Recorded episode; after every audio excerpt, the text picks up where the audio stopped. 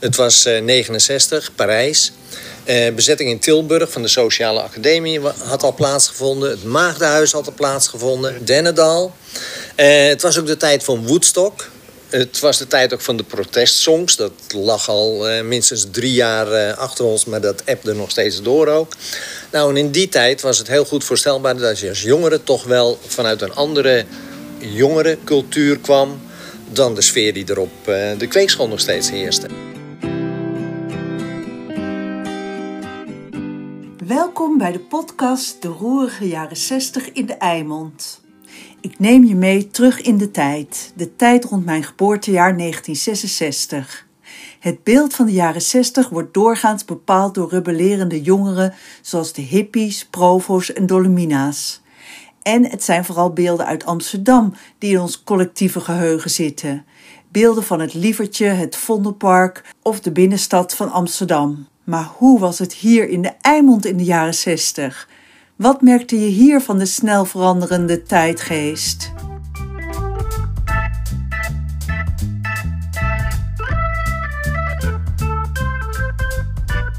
Mijn naam is Paulien van Vliet. Ik maak deze podcast samen met Stijn Gabeler. Stijn, ben je er klaar voor? Ja, wat bedoel je eigenlijk met die veranderende tijdgeest, Pauline? Tja, wat was dat nou, die veranderende tijdgeest? Het was met name bij de jeugd. Ze wilden het vrijer, losser, experimenteren, genieten in plaats van wat ze bij hun ouders zagen. Want dat was vooral hard werken en verplichtingen nakomen en gezagsgetrouw zijn. Ze wilden de verbeelding aan de macht. Zoals je ook hoorde op Woodstock, het eerste grote popfestival in 1969, symbool van de tegencultuur.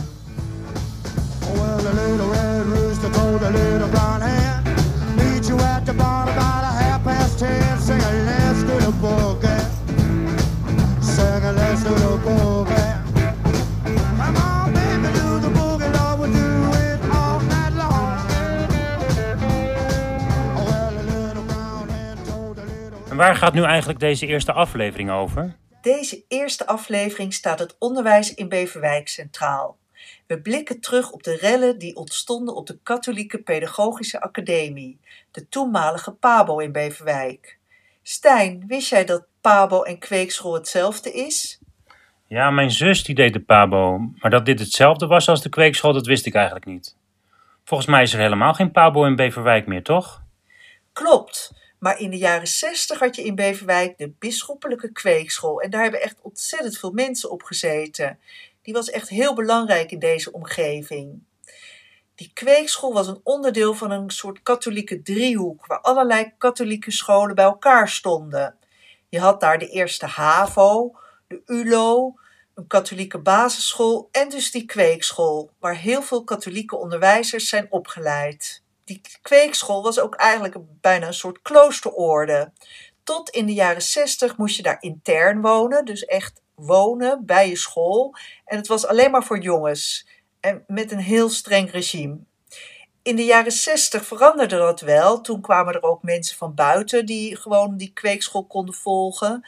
En er kwamen meisjes. En er kwam sowieso gemengd onderwijs op de katholieke basisscholen ook. Zeg je nou ook dat steeds meer mensen naar school gingen? Ja, in de jaren 60 gingen er steeds meer jongeren bleven langer doorleren. Sowieso een, een, middelbare school afmaken. Dat was eigenlijk al bijzonder. Als we nog denken aan die tuinders. Daar ging je gewoon eh, op je veertiende in de tuin van je vader werken. Maar dus naar middelbare scholen, maar ook naar vervolgonderwijs na de middelbare school. Frans van Overmeren legt uit wat doorstuderen betekent in Beverwijk. Een, een uh, ja, een MAVO of een ULO was het toen, diploma had en je wilde verder... dan had je in het Beverwijkse maar drie mogelijkheden eigenlijk. Je ging naar de Hoogoverschool... De UTS was toen net geopend aan de parallelweg. De, de, MTS, een voorloper van de MTS. Uh, eh, of je ging op kantoor werken, dat kon natuurlijk ook. Of je ging het hoekje om, dat was voor leerlingen van... Jij hebt ook op de Wille Brothers gezeten, hè? Ja. en dat was voor ons dus uh, in, in de katholieke driehoek een basisschool, een ULO en een kweekschool op het terrein hier in Beverwijk, op één terrein. We ging het hoekje om en dan eh, ging naar de kweekschool.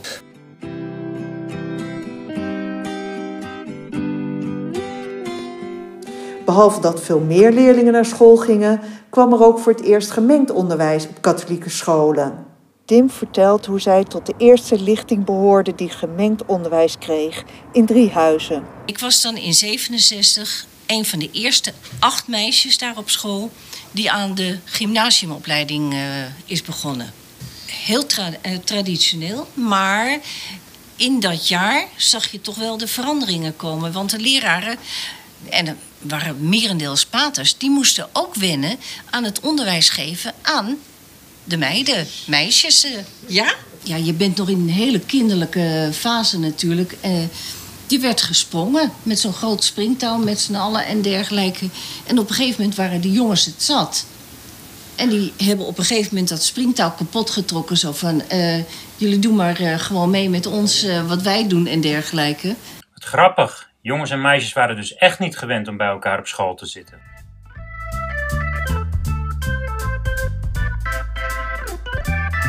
Er veranderde dus wel het een en ander in het onderwijs.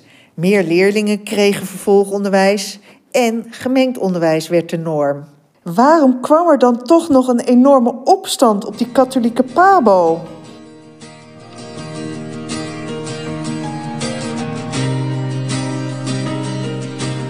Jan de Wild heeft zich verdiept in de geschiedenis van het onderwijs in Beverwijk en de enorme clash die er in 1969 op de Katholieke Pedagogische Academie plaatsvond.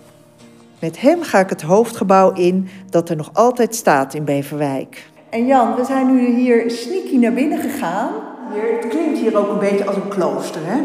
Ja. Ik heb ook op uh, de school gezeten hier. Deze uh, bisschoppelijke kweekschool had een eigen leerschool. Dat is, was een, uh, een lagere school waar de kwekelingen, die wij kweekzakken noemden, kweekzakken, hun praktische ervaring opdeden. Dus in onze klas op school, de, de school hiernaast, zaten zo één of twee dagen in de week achter in de klas ineens jonge lieden die het vak moesten leren. En die mochten dan af en toe een proeflesje doen. Jan die schreef in zijn boek hoe de PABO-studenten in de jaren 50 allemaal intern moesten wonen. In een internaat dus. En hoe het daaraan toe ging. Zou je dat willen voorlezen? Scheren kan alleen s'avonds. Brood wordt gegeten met mes en vork. Ieder contact met de Beverwijkse bevolking is verboden. De Breestraat is verboden terrein en dat geldt ook voor Wijkerzee. Althans in de maanden zonder R. Het is bovendien voorschrift om met drie personen te wandelen. Om al te intieme contacten tussen de jongens onderling tegen te gaan.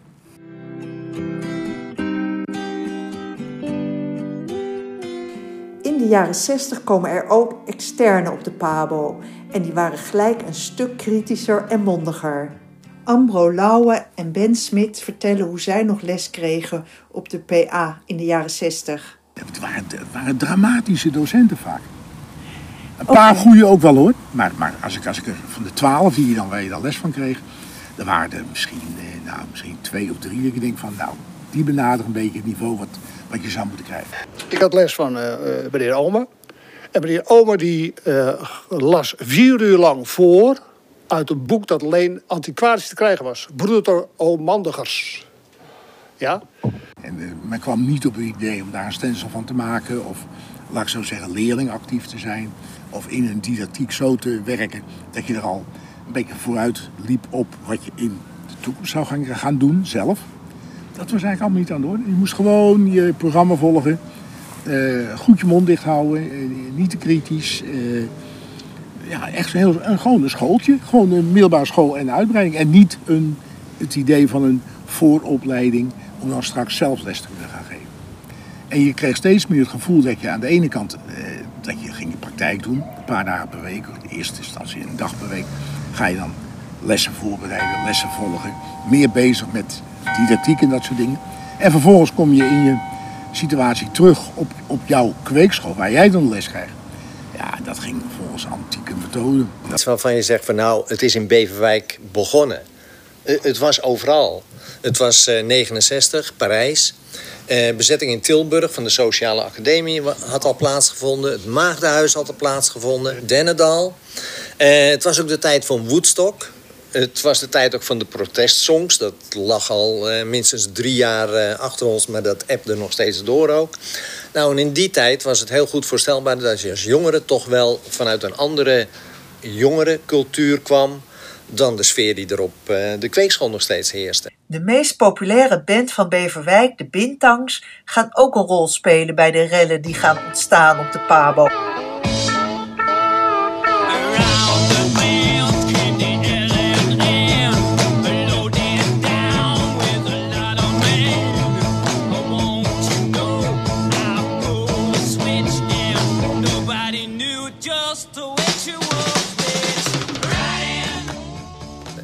Condoomincident, want ja, dat, dat is eigenlijk ja, alleen maar een trigger geweest, een, een druppel. Want er was al veel meer aan de gang. Alleen, het kreeg een duidelijk een andere lading, een andere basis ook. Doordat mensen zich solidair gingen maken om iets waarvan de jeugdcultuur al vond dat dat een bagatel was. Eigenlijk een, een flauwigheidje, een condoom over een stok eh, steken. Wat is dat nou? In vergelijking tot vele andere zaken die je zou kunnen bedenken. Maar ja, het leidde wel tot een uitdieping van de verschillen die er al bestonden. Op de PA vloog de vlam in de pan toen twee leerlingen in de klas een condoom om een stok hadden gedaan. Ze werden van school gestuurd. De rest van de klas wilde geen lessen meer volgen als deze twee niet terug mochten komen. Het was het begin van een schoolbrede staking.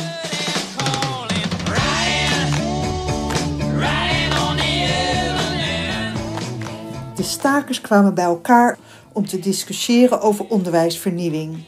Ze noemden zichzelf de Alternatieve Pedagogische Academie, de APA. Journalisten kwamen hierop af uit het VPRO-programma De Beverwijkse Kwestie. Hebt u de indruk dat, dat deze hele geschiedenis nu, dus uw protest, uw, uw laten we zeggen, uh, opzetten van een gesepareerde school, van een werkelijke school, dat die het probleem uh, uh, nader tot een oplossing brengt of dat u juist een grotere strijdpositie uitlokt? U? Uh, over die condoomkwestie wou ik nog het volgende zeggen. Ik dacht dat wij, dus deze groep, het bestuur en de directie bijzonder erkentelijk moeten zijn voor hun geweldige gesten die ze aan ons verleend hebben door middel van de condoomkwestie die ze zo opgeblazen hebben dat het voor ons genoeg was om tot deze actie over te gaan. Deze, deze actie.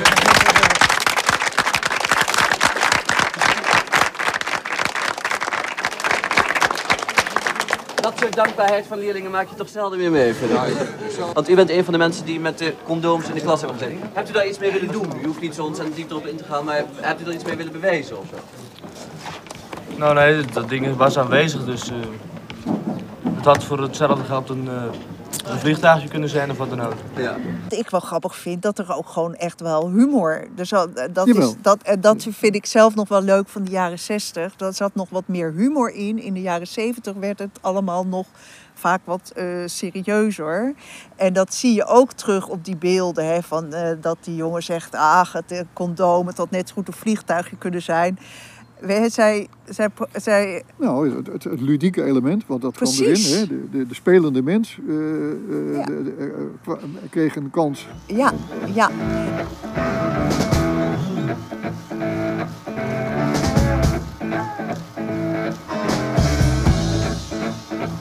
Cor Smit zat tijdens de opstand op de HAVO en maakten het allemaal van de zijlijn mee op dezelfde PA-driehoek. S'avonds op het journaal, het enige journaal, en daarna was het weer donker uh, op het scherm, zag je Beverwijk. En je zag je eigen kweekschool en je eigen school.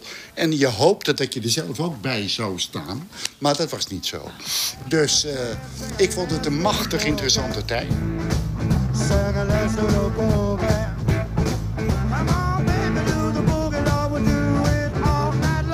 Frans van Overmeren en Ben Smit deden actief mee op de APA, de Alternatieve Pedagogische Academie. Ja, het was eigenlijk heel duidelijk dat 1970, 1969, 1970, ja, tot hier en niet verder. Het moet anders. En van daaruit, ja, toen kreeg ik ook Jan Wolkers. Ik heb Jan Wolkers nog hier een uh, mm -hmm. aantal keren uh, rondgeleid en, en, en dingen verteld. Ik heb er ontzettend veel geleerd. Ik heb aan uh, collega's van me ook in, uh, daarna wel gezegd van... ik heb in die, die, dat uh, drie kwart jaar daar... meer geleerd dan in die hele opleiding aan de kweekschool zelf. Dat was natuurlijk niet alleen in Beverwijk dat het zo vooruitstrevend was. Het, er zaten meer scholen die ook met dezelfde problemen. Alleen die hadden natuurlijk niet die idiote conflicten die wij hier hadden. Nou, precies. Dat is het ja, fundamentele want, verschil. Ja, want dat hoorde ik ook wel van iemand die in Alkmaar zat. Ja. En die zeiden, ja, maar bij ons was het allemaal al een stuk vrijer. Precies.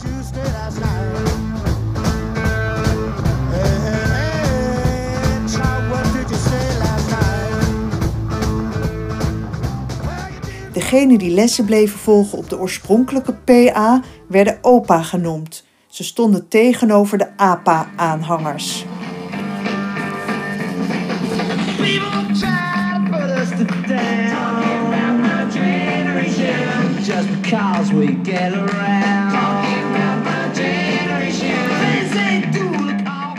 Met die opa-apa-tegenstelling was je of in het ene kamp of in het andere kamp. En de, die, die, ja. uh, die, die, tegenstelling, dat, uh, dat heeft...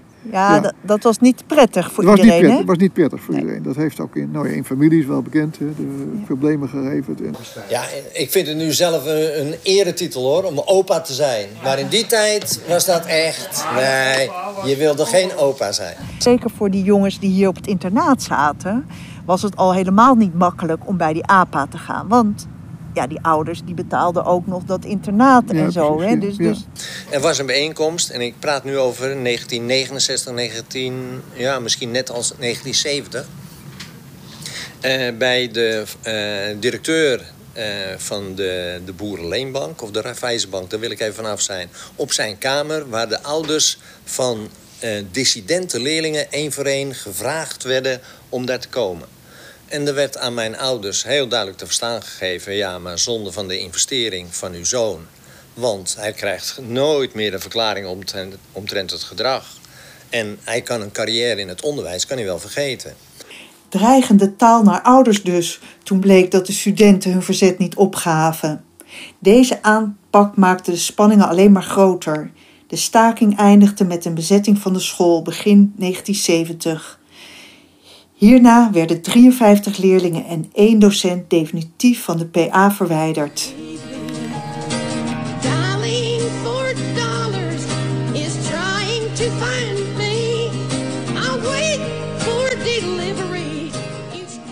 Frans zat er niet zo mee dat hij zijn opleiding aan een andere kweekschool moest afmaken. Dus ik eh, kende de kweekschool in Alkmaar. Dat was een rijkskweekschool. Voor mij geen enkel probleem om over te stappen naar een heel andere stroom in dit land. Het openbaar onderwijs. En eh, nou, ik kondigde mezelf aan bij de directeur, meneer Berits. En op dat moment, dat heb ik ook gemerkt als uh, student... te midden van de andere studenten daar in Alkmaar... was je een soort uh, ja, verzetsheld aan het worden. Want dat leefde wel in Alkmaar. De, de staking leidde uiteindelijk tot een bezetting. En na de bezetting, uh, ja, toen kon die school dus op dat moment helemaal niet meer functioneren. Toen zijn er 53 studenten van school gestuurd en één docent. En daarna begonnen ze eigenlijk, gingen ze gewoon weer verder met lesgeven. Maar wel echt gingen ze vanaf dat moment het serieus nemen. Democratisering, inspraak, uh, vernieuwing, uh, act, nou, activerende leervormen enzovoort. Dus er is wel degelijk echt iets veranderd op die school. Wat, wat denk jij nou dat die uh, eind jaren 60, begin 70, hoe ver heeft dat nou doorgewerkt tot in deze tijd? Nou, dat weet ik niet, want je hebt gouden neiging je te overschatten. Uh, ik denk wel dat het een breekpunt is geweest. Het, klassieke, ouderwetse, uh, saaie, naar creatief, uh, anders, uh, meer op de groep gericht, meer maatschappelijk ook, maatschappelijke functie. En dat de mensen in ieder geval uit die tijd toch anders gingen denken. For dollars is trying to find Samen met Jan de Wild ga ik nog één keer het hoofdgebouw van de oude PA binnen. En Jan had in het boekje wat hij geschreven heeft over de PA-driehoek, daar zag ik op de achterkant een geweldig glas in lood. En hier bij de ingang, daar staan ze weer. Ze hebben hier vast geen tijd zonder strijd. Hè? Ja, dat is een prachtig motto natuurlijk voor wat er in dit gebouw gebeurd is. Ja, want ik denk dat toen dit uh, glas in lood gemaakt is, dat ze uh, aan een hele andere strijd dachten. Dat denk ik ook.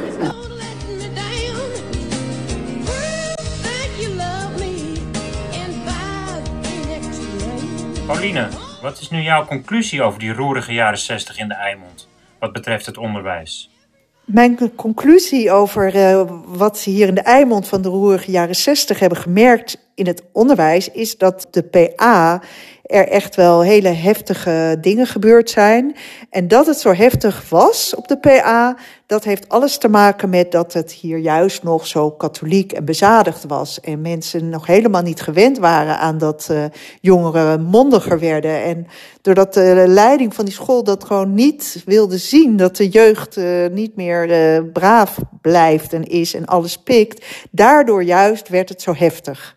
Dat is wat ik gezien heb. Ik ga nog meer onderzoeken hoe de jaren 60 doorgewerkt hebt. En dingen die ik nooit eerder geweten had, die ben ik nu wel boven water, zijn nu boven water gekomen. En dat vind ik wel uh, heel erg leuk.